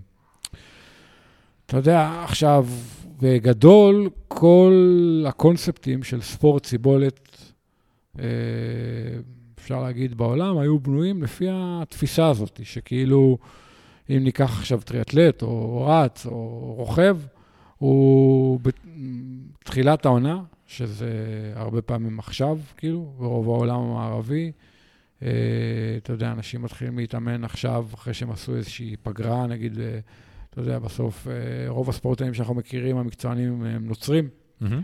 אז הם עושים ב Christmas איזה break כזה. כן. אתה יודע, נכון. נגמרה העונה, היה אליפות העולם, זה, אתה יודע, מגיע דצמבר, אה, יש את אה, Christmas, והם עשו עכשיו איזה break, או אתה יודע, עשו איזו תקופה יותר רגועה, והם עכשיו מתחילים לבנות לעונה הבאה. אז בגישה הקלאסית, עכשיו במשך אה, לפחות כמה שבועות, אפילו כמה חודשים, אתה עושה תקופה שאתה מתאמן בעצימות נמוכה. מהמם. כאילו בונה בסיס, קראו כן. לזה פעם. אה, עוד פעם, זה היה מאוד אה, מקובל ונקרא לזה, לא יודע, אה, שכיח, פופולרי, בשנים שאני התחלתי להתאמן. שזה בעצם- שזה בעצם 20 מה, שנה. זה הרבה קילומטרים בעצימות נמוכה. נכון, אה. נכון. אתה עושה בעצם המון עבודה בעצימות נמוכה, כאילו מכין את הגוף לשלבים הבאים, שאתה אתה צריך לחשוף אותו לאימונים יותר אינטנסיביים, בעצימות יותר גבוהה, עוד פעם, מבחינת ואטים, קצב, דופק, לא משנה מה. וכל שנה אתה, נגיד, שלושה, ארבעה חודשים בונה בסיס, ואחר כך עושה תקופת בנייה ומתחיל להתחרות. ואז אתה עושה את זה גם אולי במקרו במשך העונה, או אולי עושה את הדבר הזה באיזשהו מיקרו קצת, אה, כמה פעמים במהלך העונה. כלומר, אתה מתחיל מתקופת בסיס ארוכה, עושה אחרי זה תקופת בנייה, עושה איזה תקופת תחרויות, אחרי זה אולי עושה איזה season break כזה, עושה איזה הפסקה באמצע העונה, ואז עוד פעם עושה איזה תקופת בסיס, אולי יותר קצרה קצת, ועוד פעם תקופת בנייה, ועוד פעם אולי תקופת תחרויות. כלומר, זה מאוד תלוי איזה ענף אה, אנחנו מדברים, ועוד פעם, ספורטאי אולימפי, לא אולימפי וכדומה. מהמם. וזאת הייתה הגישה, שאני גדלתי עליה, ואתה יודע, הכרתי, ואתה יודע, אה, בקיצוניות, אתה במשך כמה חודשים לא עושה אף אימון בעצימות גבוהה. כאילו, אתה הולך ופשוט אה, סוחר, רוכב ורץ, עוד פעם, במיוחד רואים את זה בריצה ואופניים, הרבה בדופק נמוך. מהמם. עכשיו אני חייב להגיד משהו. אה, לעשות הרבה אימונים בדופק נמוך, אני לא בהכרח נגד. אני אולי אפילו יכול להגיד שאני מאוד בעד. גם עם קשר לגישת ה-80-20 שאנחנו מדברים עליה הרבה וזה, אבל גם בלי קשר. אנחנו יודעים שלהתאמן בדופק נמוך זה מאוד טוב מבחינת המיטוכונדריה, ובסוף זה, אתה יודע, זה מייצר הרבה מאוד עומק. אז אה, אני קונספטואלית, אני בעד. האם אני בעד עדיין הגישה המסורתית לפריודיזציה? לא. אה, לא רק שאני לא בעד הגישה הזאת, אני אולי אפילו בעד גישה שהיא לצורך העניין הפוכה. עכשיו, למה? בואו ניקח ספורטאי שהוא טריאטלט אולימפי, או, לא יודע, רץ אה, עשרת אלפים, או לא יודע, כאילו משהו כזה, אה, או רוכב במסלול, בוולודרום. מהמם. נגיד דברים בעצימות יחסית גבוהה, לזמן יחסית קצר. עכשיו עוד פעם, מה זה זמן קצר? זה הגדרה מאוד פלואידית, אבל אה, אתה יודע, לא תחרויות ארוכות כמו אולטרה מרתון או איש לא ברזל. תחרות או- סיבולת. אה, אתה יודע, גם טריאטלון אולימפי זה תחרות סיבולת. אוקיי. אה, אבל אתה יודע, בוא ניקח, נתמקד בטריאטלון, כי זה הכי קל לנו, אבל זה, עוד פעם, כל מה שאני מדבר עליו הוא רלוונטי גם לענפים האחרים. ספורטאי שמתחרה בעצימות גבוהה למשך זמן לא מאוד ארוך, כלומר לא ארוך באופן קיצוני של הרבה שעות, אז באמת התקופה שהוא מתאמן מאוד שונה מאיך שהוא מתחרה, יכול להיות בתחילת העונה. מהמם. ואז בתקופה שהוא מתקרב לתחרות, הוא מתאמן באופן שהוא די דומה לאיך שהוא מתחרה. מהמם. אז עכשיו, דיברנו נגיד על ספורטאי אולימפי, אז הוא נגיד בתחילת העונה מתאמן בעצימות נמוכה, ולקראת התחרות מתאמן בעצימות יותר גבוהה, והוא מתחרה בעצימות גבוהה, יחסית. נכון. אוקיי, עכשיו בואו ניקח איש ברזל. אוקיי, באיזה עצימות הוא מתחרה? יחסית נמוכה. כן. יחסית נמוכה. אז עכשיו אני רוצה לעשות אימונים שמדמים את העצימות שהוא מתחרה בה, שמדמים את האופי של התחרות, את הסיבי שריר, את הדופק, אז אימונים בעצימות די נמוכה. אוקיי, אז אתה אומר, רגע, מה, אני אעשה את זה לפני התחרות? כאילו, הרי אמרנו שלפי הגישה הקודמת, כאילו לפני התחרות אתה תתאמן חזק, נכון? אז כאילו מה, אני, אם אני מתאמן עכשיו חזק מאוד, אז אני לא הולך להתחרות הרי ככה, נכון? אז נכון. מה- מה ההיגיון בעצם? בדיוק. אז אתה יודע, בעצם אתה אומר, רגע, אני אמרתי שכשאני מתאמן לתחרות, נגיד טריאטלט אולימפי, שהוא לקראת התחרות, הוא מתאמן בעצימות או ב- ב- בדרכים או באופי שמשקף טיפה את, ה, את מה שהוא ייאלץ להתמודד איתו בתחרות, יידרש להתמודד איתו בתחרות. במקרה שלו זה עצימות יחסית גבוהה. כן. במקרה של ספורטאי שמתאמן לאיש ברזל, זה לא עובד ככה. כי דווקא כשהוא רוצה להתאמן לתחרות, הוא צריך לעשות אולי אימונים ארוכים בעצימות יחסית נמוכה, כי בסוף ככה הוא הולך להתחרות. נכון. אז, אז מה הוא אמור לעשות? כל השנה להתאמן באימונים ארוכים בעצימות נמוכה? כי אמרנו שבתחילת השנה הוא עושה base period כזה. כי אז כאילו אין מספיק גירוי לשריר אולי, ואז זה לא יהיה... אז בעצם כן. אתה אומר, כל השנה אני מתאמן long and slow, או אתה מבין מה אני מתכוון? כאילו, ארוך ואיטי. אה, ואז יש גישה שאומרת, לא, בוא נעשה את הפריוריזציה הזאת בעצם בצורה שהיא קצת הפוכה. עכשיו, זה גם מאוד מתאים למזג האוויר ברוב המקומות בעולם, אה, לפי עונות השנה. כלומר, עוד פעם, למעט כמובן אוסטרליה, או אבל ברוב העולם, נגיד אה, באמריקה, באירופה, אה, גם בישראל, כרגע זה חורף. מהמם. עכשיו אני אומר לך, טוב, תקשיב, עכשיו תצא כל יום ותרכב אה, כמה שעות, או תרוץ בעצימות נמוכה כמה שעות, ואתה עכשיו גר בבולדר, באמריקה, שאתה יודע, הרבה מאוד ספורטאים גרים שם, הוא לא יכול לעשות את זה. שלג, כן, שלג. אתה מבין? נורא, כאילו, כן. הוא לא, מה, מה אתה רוצה שיעשה? איך הוא יעשה long, slow distance, כאילו? מהמם. לא באופניים, לא בריצה. יש שלג בחוץ, סופה, קר, גשם, זה לא, ריאל, לא ריאלי. אז אתה יודע, מה שפעם הרבה אה, היו עושים, זה היו באמת עוברים לצד שני של העולם. או נוסעים להתאמן באפריקה, או בטנריף, או מהמם. בשביל לעשות את זה שם. אה, אבל עוד פעם, נשאלת השאלה, אם זה גם באמת רלוונטי, בלי קשר לתקופת השנה. ונגיד, סתם, מאמן כמו ברד סאטון, אומר, חבר'ה, בדיוק הפוך. עכשיו, כל התקופה הראשונה של תחילת העונה, צריך לעשות אימונים שהם בעצימות יחסית גבוהה, סטים יחסית קצרים, מהמם. או אאוטדור, שזה פחות נורא מאשר ללכת לעשות משהו מאוד מאוד ארוך. כן. כאילו, כי בתנאים קשים, אימון של שעה זה לא נורא, אימון של ארבע שעות זה זוועה. או, מה שדיברנו קודם, פשוט לעשות אינדור. המון אינדור, המון אינטרוולים, סטים קצרים. אה, אתה יודע, אה, לשפר נגיד את ה-FTP, לשפר את הלחיצה. אה, אתה יודע, לשפר את כל המדדים הפיזיולוגיים, שעליהם אתה תבנה אחרי זה את העונה של ה-long distance. אה, ואז לקראת התחרות, דווקא לעשות שיפט ולהתאמן. כמו שאתה תתחרה, כאילו. כן, אתה יודע, זה לא שמפסיקים כן. לעשות אימונים כן. אה, עצימים, קצרים וזה, אבל קצת עושים את השיפט הזה ליותר אימונים ארוכים, בעצימות נמוכה. כמו שבסוף אתה מתחרה. וזה בעצם מה שאתה יודע, קצת פריודיזציה הפוכה.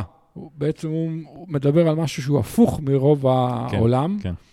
או מאיך שפעם היו נוהגים לעשות את זה.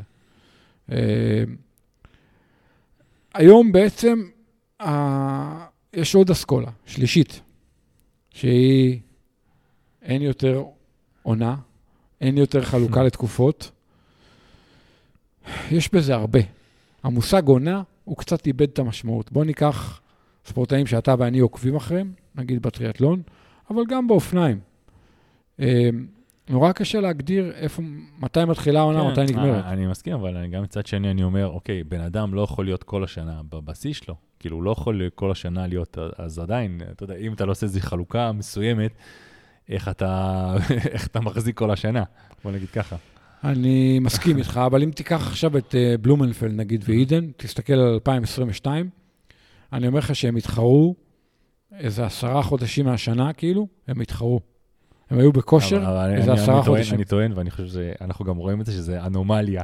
אני לא יודע להסביר לך את זה, אבל זה כמו סוג של החזק שורד. אה, מי שמצליח אה, להמשיך להתאמן ככה, אה, כל כך הרבה זמן בעצימויות כאלה, ואשכרה שורד את זה, ונראה שהוא מצליח באמת לבצע, אבל, אבל כמה כאלה יש. עובדה, אתה מסתכל על סנדרס, שניסה לחקות אותם, ונראה שהוא סיים בבור. כן. אה, והרבה אחרים שלא לא מצליחים להגיע לאותם, אה, אז אני, זה גם משהו שמאוד אישי. אה, תראה, קודם כל, אתה אומר משהו מאוד נכון, וכנראה גם, אתה יודע, מרק אלן אומר, הקריירה של הספורטאים האלה תהיה קצרה. כי הם כן. שוחקים את עצמם, כן. בגלל שאין להם עונה, והם בכושר עשרה חודשים בשנה, ומתחרים עשרה חודשים בשנה, אז, אז הקריירה שלהם לא תהיה ארוכה. אבל בואו נחזור רגע אחורה לדיון שלנו. אז בעצם, אסכולה הקלאסית הייתה בעצם תקופת בסיס, תקופת בנייה ותקופת תחרויות. בתקופת בסיס עושים אימונים ארוכים בעצימות נמוכה. האסכולה המנוגדת של נגיד סאטון כמייצג, מהמם. מדברת על reverse periodization, ובכל מקרה עכשיו גם אתה לא רואה כבר את האסכולה הקלאסית בצורה כל כך קיצונית. אתה רואה שגם הספורטאים שעושים נכון. base period כמו פעם, הם עדיין עושים הרבה מאוד אימונים יחסית בעצימות אה, גבוהה, קצרים ואינטרוולים וזה. בכל מקרה, אני טוען שלאנשי ברזל נגיד, ה-reverse periodization עושה הרבה יותר שכל. נגיד עכשיו אתה מתאמן לתחרות נגיד ביוני, אוקיי, עכשיו אתה חמישה חודשים מהתחרות, אתה עושה יחסית הרבה מאוד אימונים קצרים בעצימות גבוהה, מהמם. אתה לא עושה המון אימונים ארוכים בעצימות נמוכה. אוקיי? אתה, נכון. אתה כרגע בעצמך לא רץ הרבה ריצות ארוכות, לא עושה הרבה רכיבות ארוכות, ולקראת התחרות אתה תעשה את זה יותר. זאת אומרת, אתה עושה סוג של reverse כן, כן. נכון. אה, אוקיי. לגמרי. אני מסכים את זה מאוד, זה גם אחלה. אני חושב שזה יותר נכון, כמו שאמרת, אנחנו מדברים על איך נתי יותר נכון לעשות דברים היום, ועם השנים גם, אתה יודע, לומדים על אה, סמך ניסיון של אנשים אחרים גם. אה, אז נשמע לי משהו שהוא כן מאוד נכון. אני, אני יכול להגיד לך, אני חושב שדיברנו על זה איזה יום. בקיץ, תראה, אה, השנה, בגלל שהתחרנו בטבריה, וזה היה יחסית מאוחר באיירומן טבריה, אתה יודע, זה היה כזה סוף נובמבר, וואו, מה עושים כל השנה, איך, אה, כן. אתה יודע, איך לא משתגעים כאילו, ואיך לא נגמרים ונשחקים והכול. אז עזוב, נסענו לתחרות בחו"ל, וזה לא משנה, אבל בסוף, אתה כמה חודשים לפני התחרות אומר, אוקיי, מה, אני אתחיל עכשיו לעשות אימונים ארוכים? זה מוקדם מדי. אה, זה לא נכון, זה כאילו, זה, זה עוד לא השלב. אז נגיד, אנחנו בקיץ עשינו הרבה מאוד אימונים קצרים בעצימות גבוהה, יולי-אוגוסט כזה, עשינו סדרה של אימוני trainer, מהמם. אימוני סף, אימוני צח"מ, אבל אתה אומר, רגע, אבל באיירומן אני לא, בכלל לא מתחרה בעצימות כן. הזאת, סבבה, אבל היה כן. עדיין מספיק זמן, היה עדיין ספטמבר, אוקטובר, נובמבר, כדי להתאמן ספציפית לתחרות, ואז לעשות את האימונים היותר ארוכים, וזה זה מה נכון. שעשינו. ואני חושב שזה עבד ממש טוב.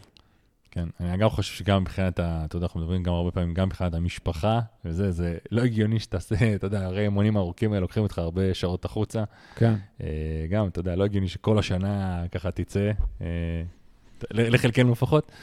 אז אתה יודע, גם באמת שזה מרכז את האימונים באמת הארוכים האלה לסוף, לקראת השיא של התחרות, אתה יודע, לקראת הנקודה שמגיעה באמת התחרות הזאת, אז גם בקטע הזה, זה גם אה, תורם המון, אני חושב. אני מסכים, כן. אז אתה יודע, זה מתחבר גם למה שדיברנו קודם על האינדור וזה, שבעצם בחורף מתאמנים הרבה אינדור, ובאביב לאט לאט עוברים יותר לאימונים בחוץ. עוד פעם, אם אתה מתחרה בקיץ, כן, אם אתה לא מתחרה בקיץ, אז כל הלו"ז טיפה משתנה, אבל אה, אה, זהו, אז אתה יודע. אה, כל נושא הפריודיזציה הוא בהחלט עבר תהפוכות והוא מאוד מעניין. מאוד. אחלה, טוב, אז uh, עכשיו, אתה יודע, גם הזכרנו עכשיו קצת uh, תחרויות, תחרות מטרה וזה, יש הרבה אנשים שתחרות המטרה שלהם זה הישראמן שמתקרב ובא. Uh, באמת, זה אגב הפודקאסט האחרון שלנו לפני הישראמן, uh, עכשיו יהיה לנו שבועות הבאים, נהיה קצת עסוקים, אז באמת לא, לא נספיק להקליט עוד פרק, אז אנחנו מקליטים אותו עכשיו. Uh, פעם שעברה דיברנו על uh, טיפים באמת לקראת הישראמן, אז uh, עוד uh, כמה דברים שאתה היית רוצה להגיד uh, לקראת התחרות? אה, שמע, אני חושב ש... קודם כל, אני יכול להגיד לך שאני מתרשם שהולך להיות תחרות שהיא מאורגנת אה, טוב. הם נראה לי הפיקו הרבה לקחים מהישראלים הקודמים, למדו גם דרך תחרויות אחרות, אתה יודע, כל מיני דברים שאולי עבדו פחות טוב, שמעו מאנשים. הם מאוד מתאמצים אה, להרים תחרות ברמה גבוהה, ואני מקווה שהם יעשו את זה עוד פעם מכל הבחינות. כאילו, אני, אני מדבר קודם כל על הקטע המקצועי, אני תמיד מפריד בין ה... אה, עיקר לבין המעטפת. מהמם. המעטפת זה החולצות, המדליות, זה, שזה נחמד, אבל זה פחות מעניין אותי. כן. נראה שגם בקטע המקצועי הם הולכים לעשות, אה, אתה יודע, מאמץ גדול כדי שהתחרות תהיה בסטנדרטים אה, טובים, מבחינת המסלול והחוקים, ואתה יודע, שיפוט וכדומה, בדיקות סמים. בדיקות סמים. אז אתה יודע, זה הדבר הראשון שככה אני חושב עליו בהקשר של הישראמן. אה, שמע, קשה עדיין לדעת מה יהיו התנאים, כי זה באמת מוקדם.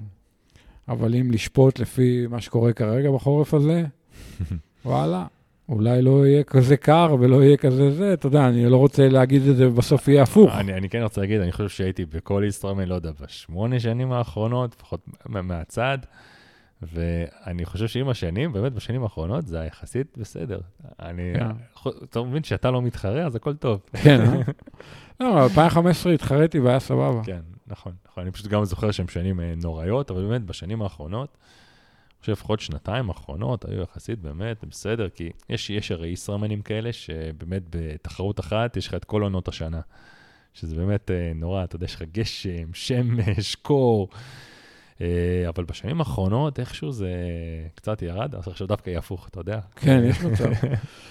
אה, כן, אתה יודע, אז אה, מבחינת- המסלול, אתה מכיר שינויים כלשהם? משהו שהשתנה? אני חושב שבשוליים, כאילו, במסלול ריצה כמה שינויי מיקרו כאלה, אבל לא משהו, אה, לא משהו מאוד משמעותי, כאילו, בסוף עדיין רצים את הירידה ועדיין רצים את הלגים הלוך ושוב.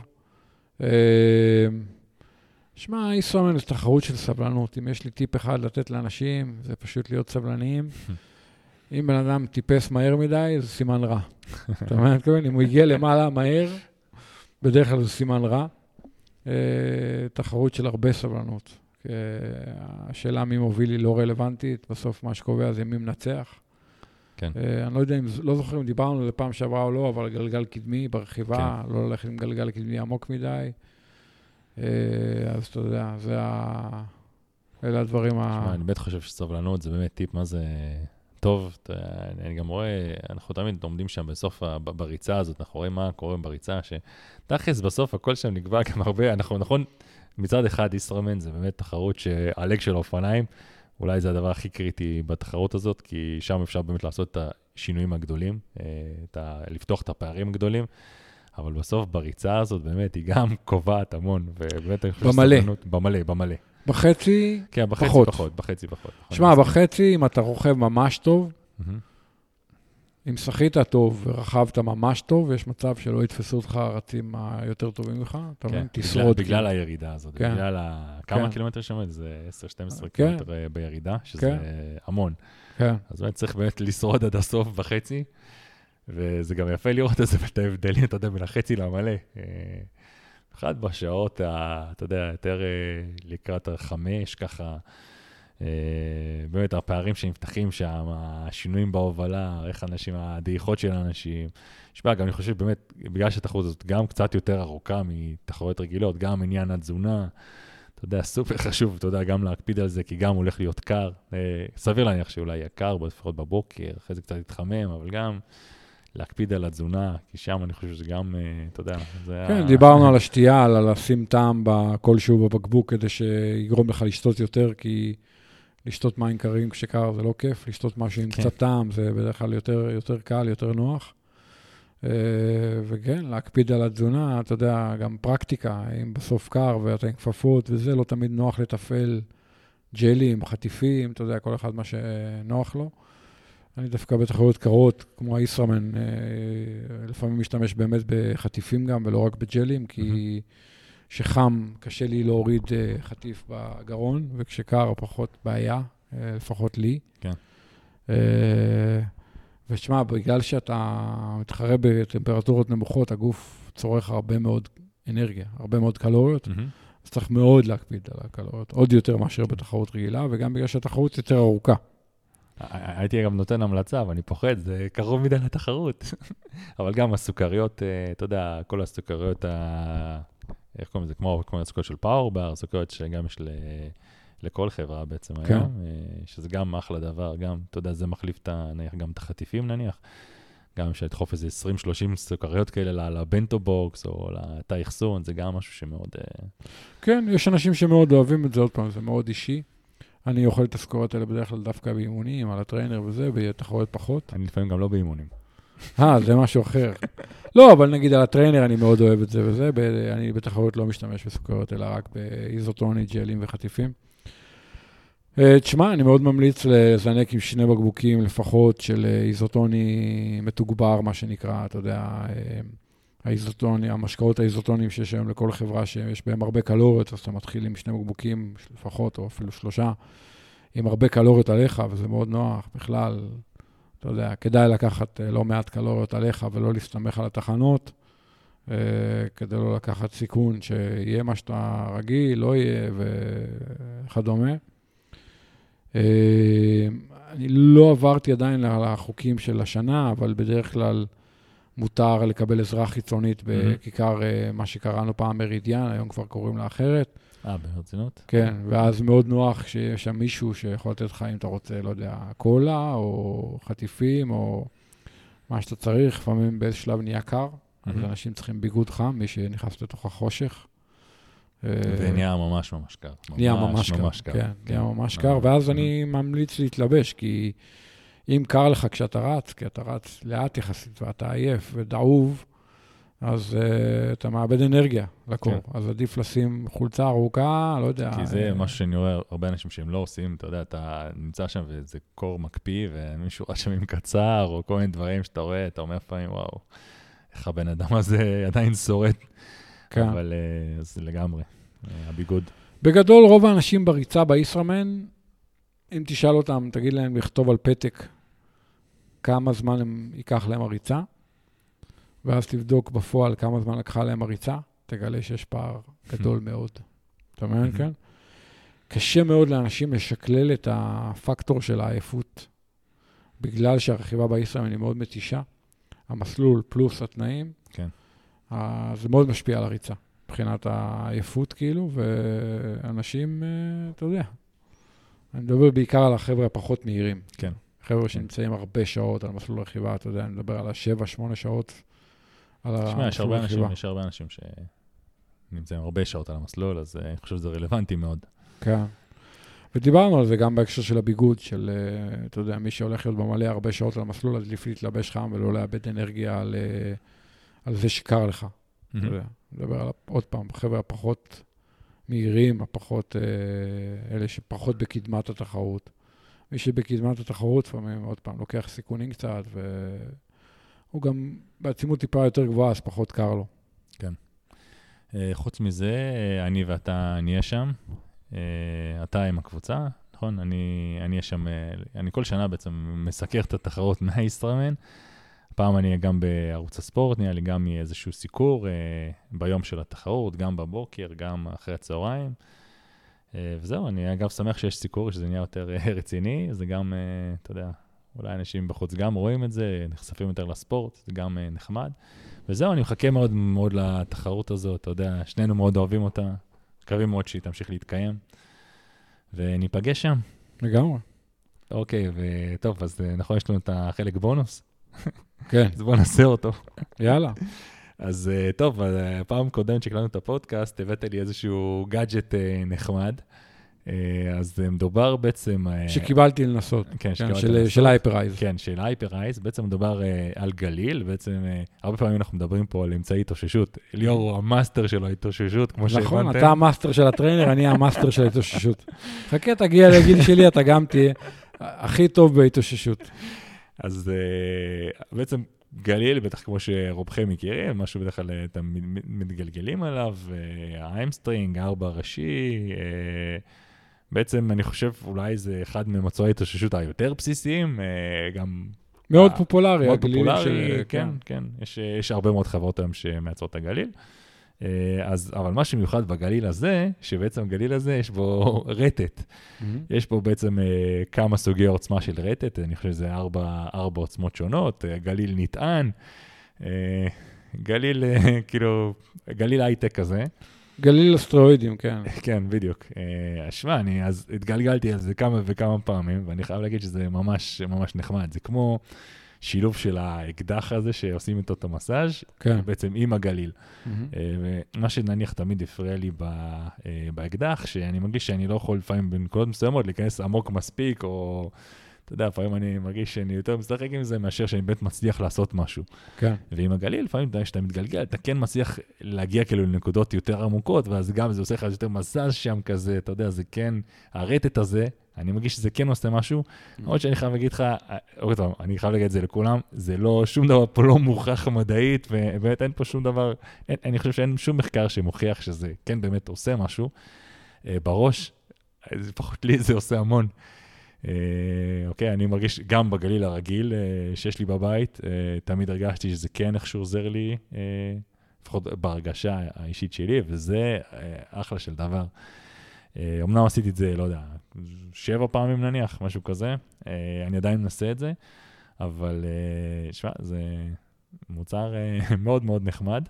כן, למי, למי שאוהב גליל, זה בטוח גליל עם איזו תוספת נחמדה. אני צריך להגיד שזה לא זול Mhm. בכלל, יש לזה וואחד מחיר, אבל אני חייב להגיד, באמת, יש בזה משהו נחמד מאוד. אז מי כן. שמחפש, אתה יודע, יש אנשים שכל הזמן מחפשים את הגאדג'טים החדשים, כמוך, עם המכשירי התאוששות הכי מתקדמים, אז Mhm. זה נשמע כמו עוד משהו אה, חדש, נקרא לזה, בשוק.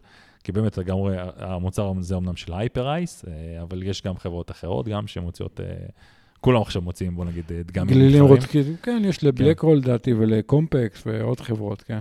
אז uh, מוצר uh, ממש ממש מעניין, במיוחד לחובבי הגלילים. אני פחות uh, מתחבר לאקדחים ולקומפקסים עם החשמל. Mm-hmm. גם אני חושב שניסיתי הכל, ואני עדיין איכשהו הכי מתחבר לגליל הזה. חייב להגיד שזה כואב רצח uh, שאתה עושה את זה, uh, אבל uh, וואו, זה... עובד. עובד. אני, אני מרגיש שזה עובד. Uh, שוב פעם, אין לי שום דבר מוכח. Uh, בהרגשה זה עושה לי יותר טוב, אוקיי? זה מה שאני יכול להגיד. אה, זה מה שקובע. זה מה שקובע. אתה יודע שגם לגבי עיסויים, אין מחקרים מדעיים שמוכיחים שעיסויים הם אפקטיביים. ועדיין כל הספורטאי העילית בעולם עושים עיסויים, כמעט כל הספורטאים. נכון. בסדר? בואו נחריג עכשיו את גוסטה וידן ובלומנפלד, שאתה יודע. אבל בוא, זה חריג. אה, אז כנראה שהם חושבים שזה עוזר להם. אז, אה, ומרגישים שזה עוזר להם, אז, אז אתה יודע, אין מחקרים מדעיים, אבל זה לא משנה. כן. זהו, זה פינת הבונוס להיום. מעולה.